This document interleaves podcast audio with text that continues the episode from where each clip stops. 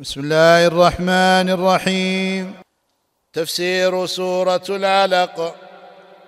سورة العلق مكية. وعدد آياتها تسع عشرة. وعدد آياتها تسع, تسع عشرة. سورة العلق مكية. وعدد آياتها تسع عشرة. الخمس الأولى هي أول ما نزل على النبي صلى الله عليه وسلم من القرآن ألقاها إليه جبريل عليه السلام وهو في غار حراء كما جاء في الصحيحين من حديث عائشة رضي الله عنها في قصة بدء الوحي. في قصة بدء الوحي. قالت كان أول ما بدأ به رسول الله صلى الله عليه وسلم الرؤيا الصادقة في النوم فكان لا يرى رؤيا إلا جاءت مثل فلق الصبح ثم حبب إليه الخلاء فكان يلحق بغار حراء فيتحنث فيه قال والتحنث التعبد الليالي ذوات العدد قبل أن يرجع إلى أهله ويتزود لذلك. ثم يرجع إلى خديجة فيتزود بمثلها حتى فجأه الحق وهو في غار حراء. فجاءه الملك فقال اقرأ. فقال رسول الله صلى الله عليه وسلم ما أنا بقارئ. قال فأخذني فغطني حتى بلغ مني الجهد ثم أرسلني فقال اقرأ. قلت ما أنا بقارئ. فأخذني فغطني الثانية حتى بلغ مني الجهد ثم أرسلني فقال اقرأ. قلت ما أنا بقارئ. فأخذني فغطني الثالثة حتى بلغ مني الجهد ثم أرسلني فقال اقرأ باسم ربك الذي خلق خلق الإنسان من علق. اقرأ وربك الأكرم الذي علم بالقلم. الآيات إلى قوله علم الإنسان ما لم يعلم. الحديث الآيات. اقرأ باسم ربك الذي خلق. خلق الإنسان من علق. اقرأ وربك الأكرم الذي علم بالقلم. علم الإنسان ما لم يعلم. التفسير.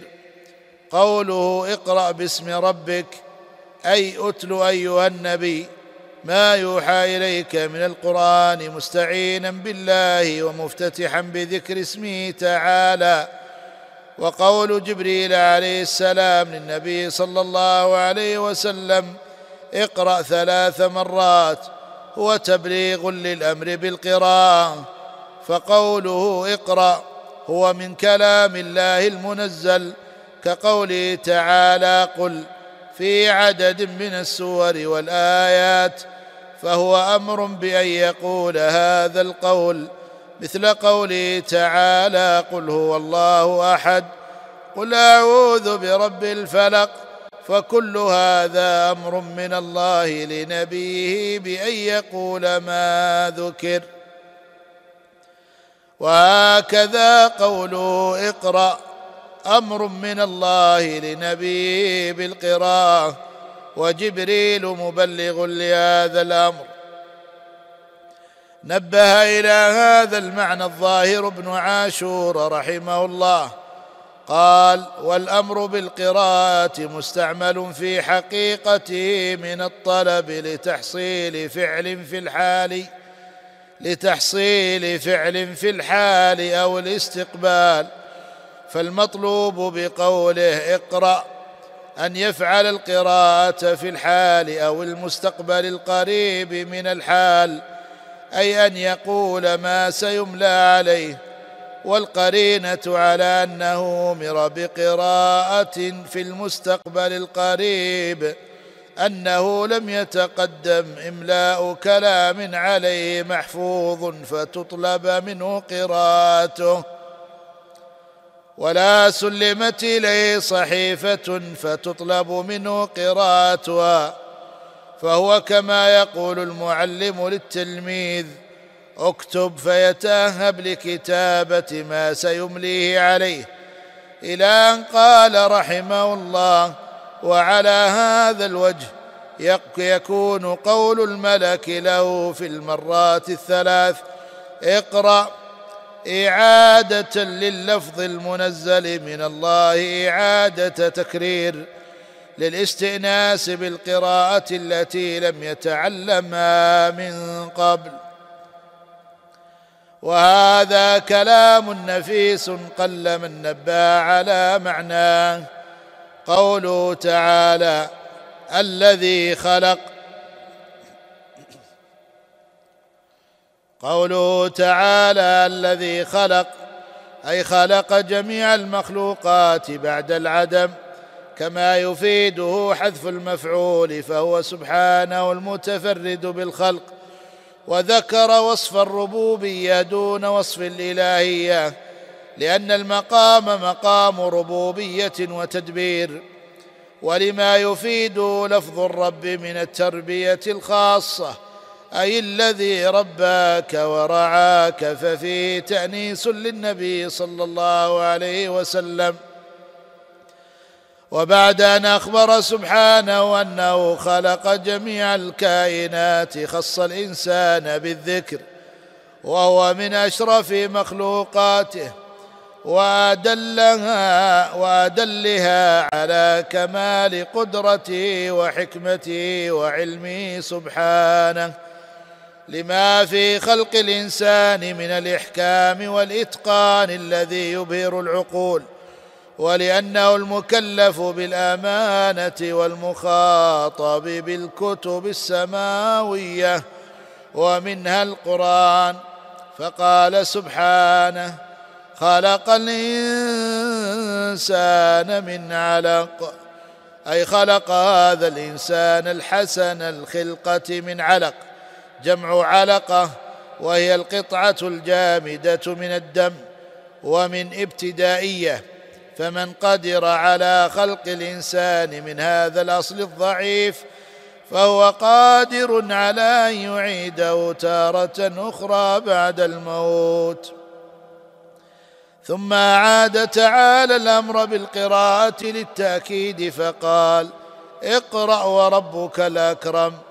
أي أكرم من كل كريم فله سبحانه الكرم الأكمل من كل وجه فالأكرم صفة تدل على كمال الاتصاف بالكرم ومن كرمه سبحانه أنه الذي علم بالقلم أي علم الإنسان الكتابة بالقلم وهي من جلائل النعم وفيها من المنافع ما لا يحيط به إلا الله. فبالكتابة حفظ الدين وضبطت العلوم وتثب وتثب وتثبتت الحقوق.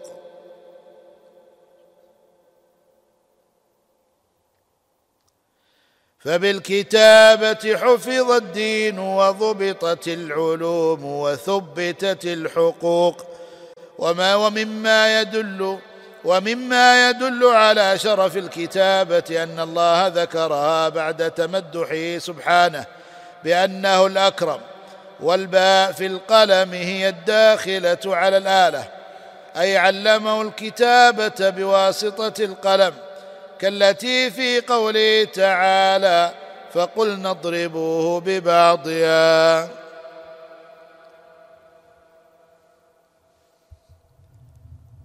وقوله علم الإنسان ما لم يعلم أي ما لم يكن يعلم قبل تعليم الله له. فالله تعالى أخرج الإنسان من بطن أمه لا يعلم شيئا وجعل له السمع والبصر والفؤاد وما اسم موصول يعم كل علم فكل علم يعلمه الإنسان. وما اسم موصول يعم كل علم فكل علم يعلمه الإنسان فهو من تعليم الله له فخص ثم عم في التعليم كما عم ثم خص في الخلق. وذكر السيوطي رحمه الله أن سورة العلق في آياته آياتها الأولى. أن سورة العلق في آياتها الأولى مشتملة على نظير ما اشتملت عليه الفاتحة من براعة الاستهلال لكونها أول ما أنزل من القرآن فإن فيها الأمر بالقراءة والبداءة فيها بسم الله وفيه الإشارة إلى علم الأحكام وفيها ما يتعلق بتوحيد الرب وإثبات ذاته وصفاته من صفة ذات وصفة فعله. وفي هذه الإشارة إلى أصول الدين وفيها ما يتعلق بالأخبار من قوله علم الإنسان ما لم يعلم. ولهذا قيل انها جديرة أن تسمى عنوان القرآن لأن عنوان الكتاب يجمع مقاصده بعبارة وجيزة في أوله. الفوائد والأحكام اولا الأمر بالقراءة وهي التلاوة. ثانيا مشروعية الاستعانة بالله بذكر اسمه تعالى عند القراءة. ثالثا الرد على الجبريه لقوله اقرأ فهو يدل على أن الإنسان له فعل. رابعا أن لأنه ليس أول واجب هو النظر في دلائل الربوبية. رابعا أنه ليس أول واجب هو النظر في دلائل الربوبية. كما ذهب إليه المتكلمون إذ لم يؤمر به النبي صلى الله عليه وسلم في أول ما نزل عليه. قاله شيخ الإسلام ابن تيمية خامسا أن الله خالق كل شيء لقوله الذي خلق. سادسا إثبات صفة الخلق لله عز وجل. سابعا إثبات الأفعال الاختيارية له سبحانه وتعالى. ثامنا إثبات القدرة تاسعا أن من أعظم الدلائل على قدرته تعالى خلق الإنسان. عاشرا إثبات قدرته تعالى على البعث يؤخذ هذا بالاستدلال بالمبدأ على الإعادة يؤخذ هذا بالاستدلال بالمبدأ على الإعادة. قال شيخ الإسلام في الآية الأولى إثبات الخالق تعالى وكذلك في الثانية وفيها وفي الثانية الدلالة على إمكان النبوة وعلى نبوة محمد صلى الله عليه وسلم. ووجه ما ووجه ما قاله الشيخ ووجه ما قاله الشيخ من الدلالة على إمكان النبوة وعلى نبوة محمد صلى الله عليه وسلم أن القادر على خلق جميع الخلق وعلى خلق الإنسان قادر على جعل الإنسان نبيا. الحادي عشر أن من أطوار خلق الإنسان العلقة وقد جاء ذكر هذا في مواضع من القرآن. وهو أول طور يكون بالانتقال من الطور الأول النطفة. الثاني أن من أسماء الله الأكرم. الثاني عشر أن من أسماء الله الأكرم. الثالث عشر إثبات صفة الكرم. وهو حسن الأوصاف وكمالها والإحسان إلى العبادة بأنواع النعم. الرابع عشر أن تعليم القراءة من كرمه تعالى.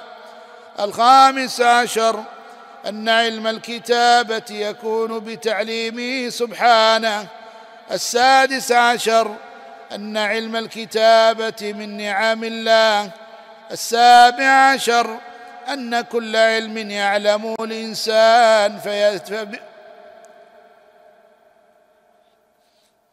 السابع عشر أن كل علم يعلمه الإنسان فبتعليمه سبحانه وتعالى التعليم الشرعي والكوني فمن الكون تعليم القلم ومن الشرع تعليم القرآن. وقد جمع الله النوعين في قوله تعالى الرحمن علم القرآن. خلق الإنسان علمه البيان. فتعليم القرآن فتعليم القرآن شرعي وتعليم البيان كوني. لما ذكر الله ما نعم به على الإنسان من النعم بدءا من خلقه ثم تعليمه مما يقتضي الشكر. إلا أن من الإنسان من لم يشكر نعم الله وهم الأكثر بل قابلوها بالكفران ومع الاستغناء بالطغيان الموجب للخسران والعذاب. فقال سبحانه كلا إن الإنسان ليطغى أن رآه استغنى. إن إلى ربك الرجعى. أرأيت الذي ينهى عبدا إذا صلى. أرأيت إن كان على أرأيت إن كان على الهدى أو أمر بالتقوى. أرأيت إن كذب وتولى. ألم يعلم بأن الله يرى؟ كلا لئن لم ينته لنسفعا بالناصية ناصية كاذبة خاطيه فليدع ناديه سندع الزبانية. كلا لا تطعه واسجد واقترب.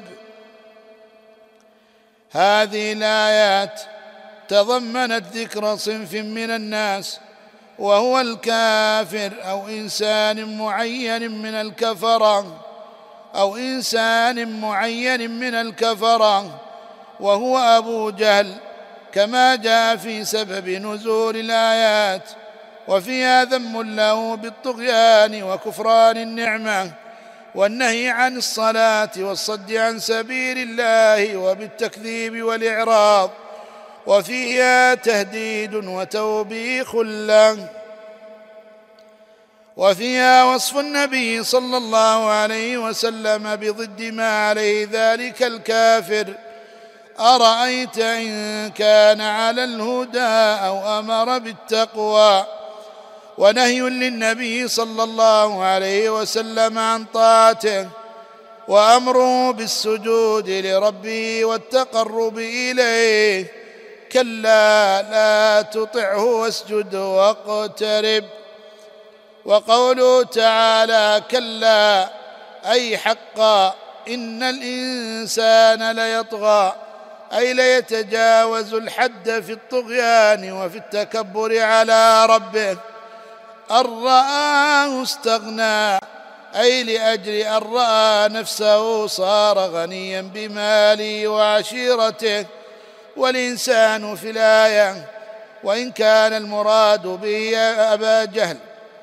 والإنسان في الآية وإن كان المراد به أبا جهل فإنه يعم كل إنسان ملأ الكبر قلبه وأبطره الغنى وعصى ربه فإن العبرة بعموم اللفظ لا بخصوص السبب.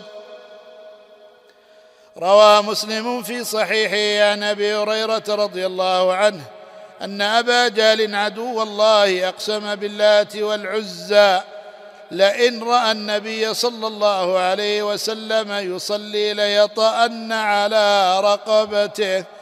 أو ليعفرن وجهه في التراب. قال فأتى رسول الله صلى الله عليه وسلم وهو يصلي. زعم ليطى على رقبته. قال فما فجأهم منه إلا وهو ينكص على عقبيه ويتقي بيديه. فقيل له ما لك؟ فقال إن بيني وبينه لخندقا من نار وهولا وأجنحا. فقال رسول الله صلى الله عليه وسلم لو دنا مني لاختطفته الملائكة عضوا عضوا. قال فأنزل الله عز وجل كلا إن الإنسان ليطغى الآيات. ووصفه تعالى ووصفه تعالى لأبي جهل بالطغيان يشبه قوله سبحانه في فرعون اذهب إلى فرعون إنه طغى ويشهد لهذا ما جاء عن النبي صلى الله عليه وسلم.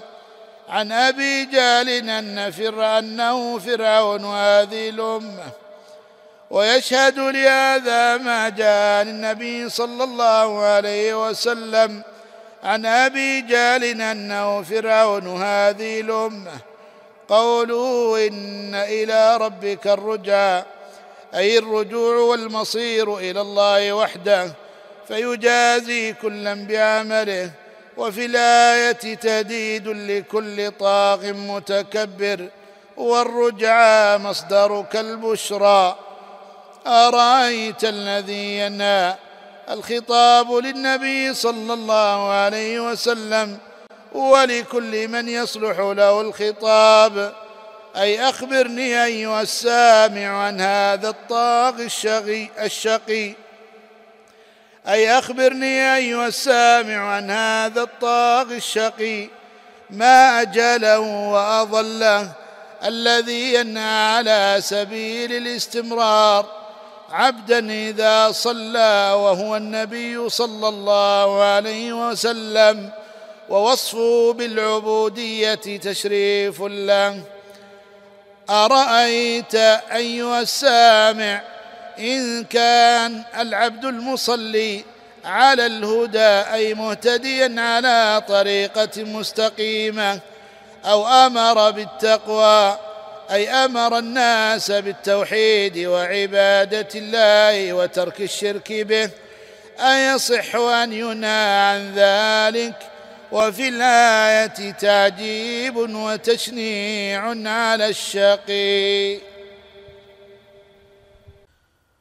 قوله إن إلى ربك الرجعى أي الرجوع والمصير إلى الله وحده فيجازي كلا بعمله وفي الآية تهديد لكل طاغ متكبر والرجعى مصدر كالبشرى.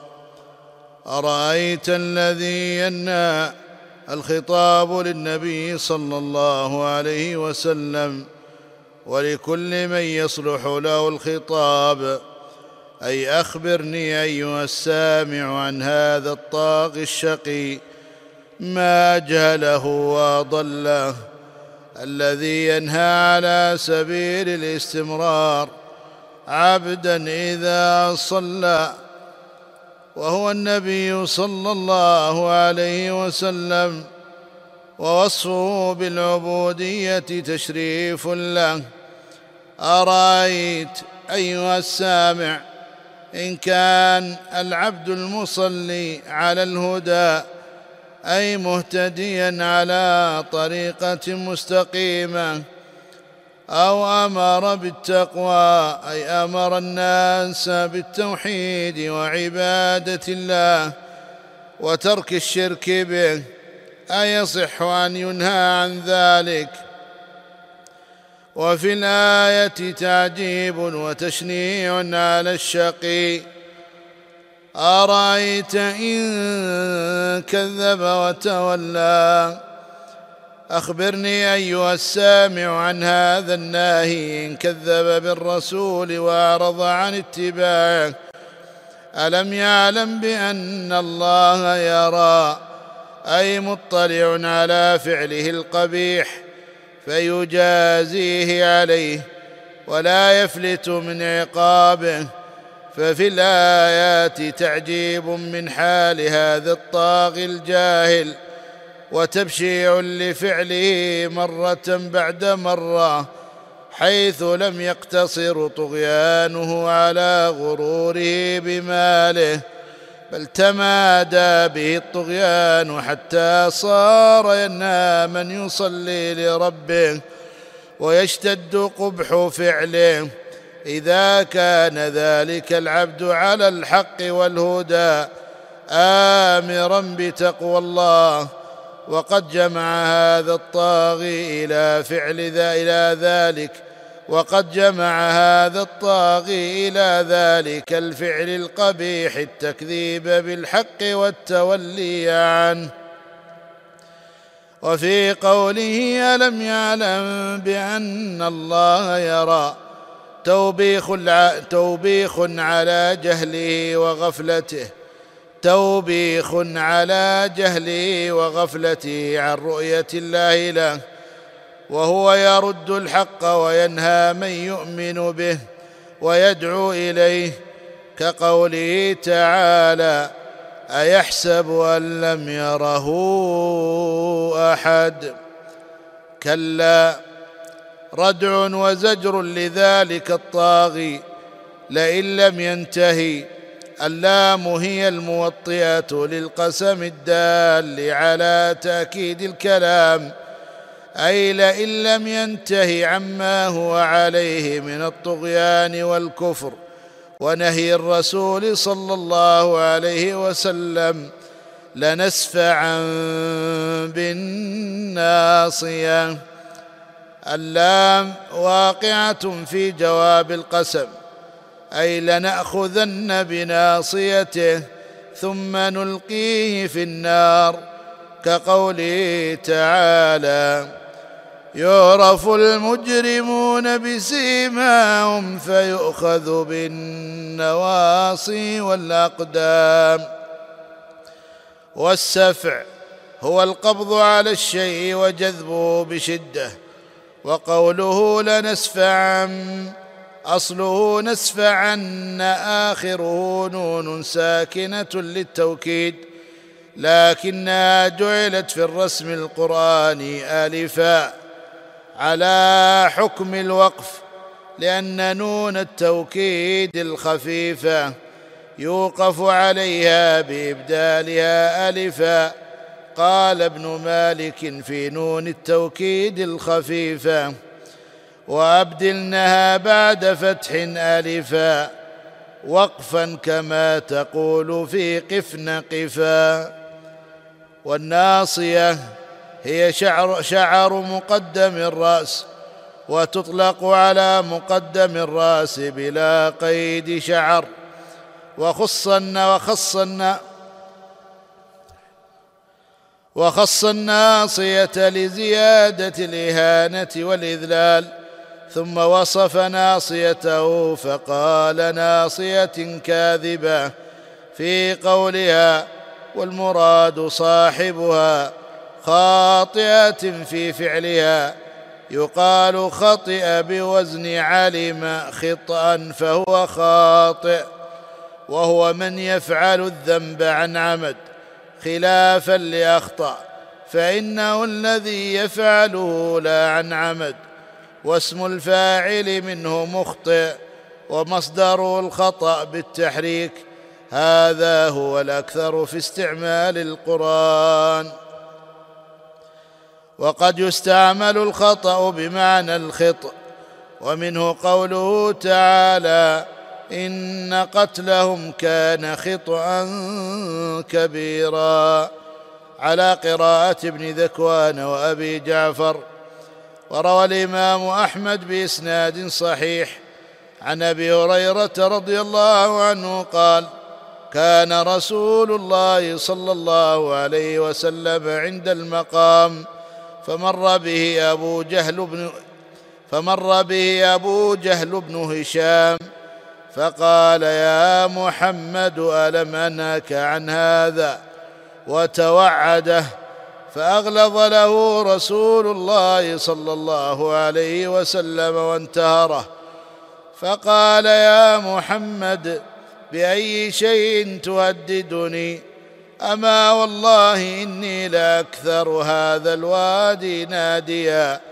فأنزل الله فليدع ناديا سندعو الزبانيه قال ابن عباس لو دعا ناديه أخذته زبانية العذاب من ساعته. قوله فليدع ناديه أي أهل مجلسه جميعا من قرابته وعشيرته مستنصرا بهم. والأمر للتحدي والتحقير سندعو الزبانية. أصلها سندعو حذفت الواو لالتقاء الساكنين. وهي محذوفة في الرسم. أي سندعو ملائكة العذاب فتلقي في جهنم. وأحدهم زبني بكسر الزاء وسكون الباء نسبة إلى الزبن وهو الدفع. كلا ردع للطاغي ونفي أن يفعل ما تحدي به. لا تطعه في ترك الصلاة واثبت على معاصاته واثبت على معاصاته. والخطاب للنبي صلى الله عليه وسلم واسجد واقترب أي دم على الصلاة واجتهد في التقريب أي دم على الصلاة واجتهد في التقرب إليه تعالى بأنواع الطاعة. ومنها السجود فأقرب ما يكون العبد من ربه وهو ساجد كما في الحديث. فبدأت السورة بالأمر بالقراءة التي هي ذكر ركن القيام في الصلاة. فبدأت السورة بالأمر بالقراءة التي هي ذكر ركن القيام في الصلاة. وختمت بالأمر بالسجود الذي هو أفضل أحوال الصلاة والفرق بين الاقتراب والتقرب أن الاقتراب ثمرة التقرب. وهذه الآية موضع سجود لما ثبت في صحيح مسلم عن أبي هريرة رضي الله عنه قال سجدنا مع النبي صلى الله عليه وسلم في إذا السماء انشقت واقرأ باسم ربك. الفوائد والأحكام. اولا التناسب بين السورتين. التين والعلق. في شأن الإنسان في خلقه ومصيره. فهذا الذي طغى وتولى هو المردود في النار أسفل سافلين. ثانيا النهي عن الطغيان وهو الإفراط في الكفر والظلم وذم وهو الإفراط في الكفر والظلم وذم من اتصف به ومنه كفران النعمة والنهي عن المعروف كالصلاة. ثالثا تهديد من طغى بالرجوع إلى الله بالموت ثم البعث والجزاء. رابعا إثبات المعاد خامسا أن من أنواع الطغيان الصد عن سبيل الله ومنه النهي عن الصلاة.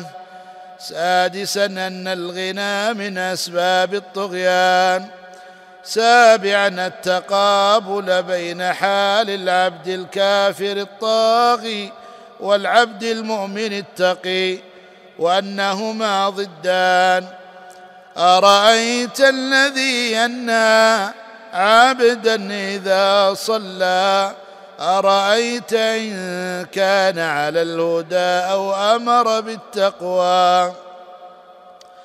ثامنا أن من الطغيان التكذيب بالحق والإعراض عن قبوله والعمل به مع علم المكذب بأن الله يراه. أرأيت إن كذب وتولى؟ ألم يعلم بأن الله يرى؟ تاسعا وصفه تعالى بأنه يرى كل شيء.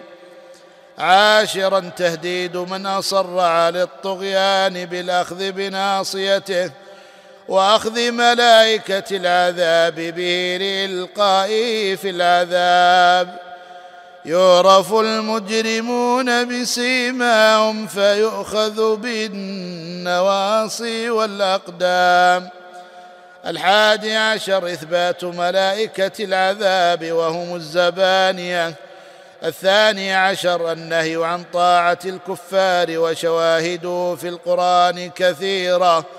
الثالث عشر الأمر بالسجود لله وهو يتضمن الأمر بالصلاة.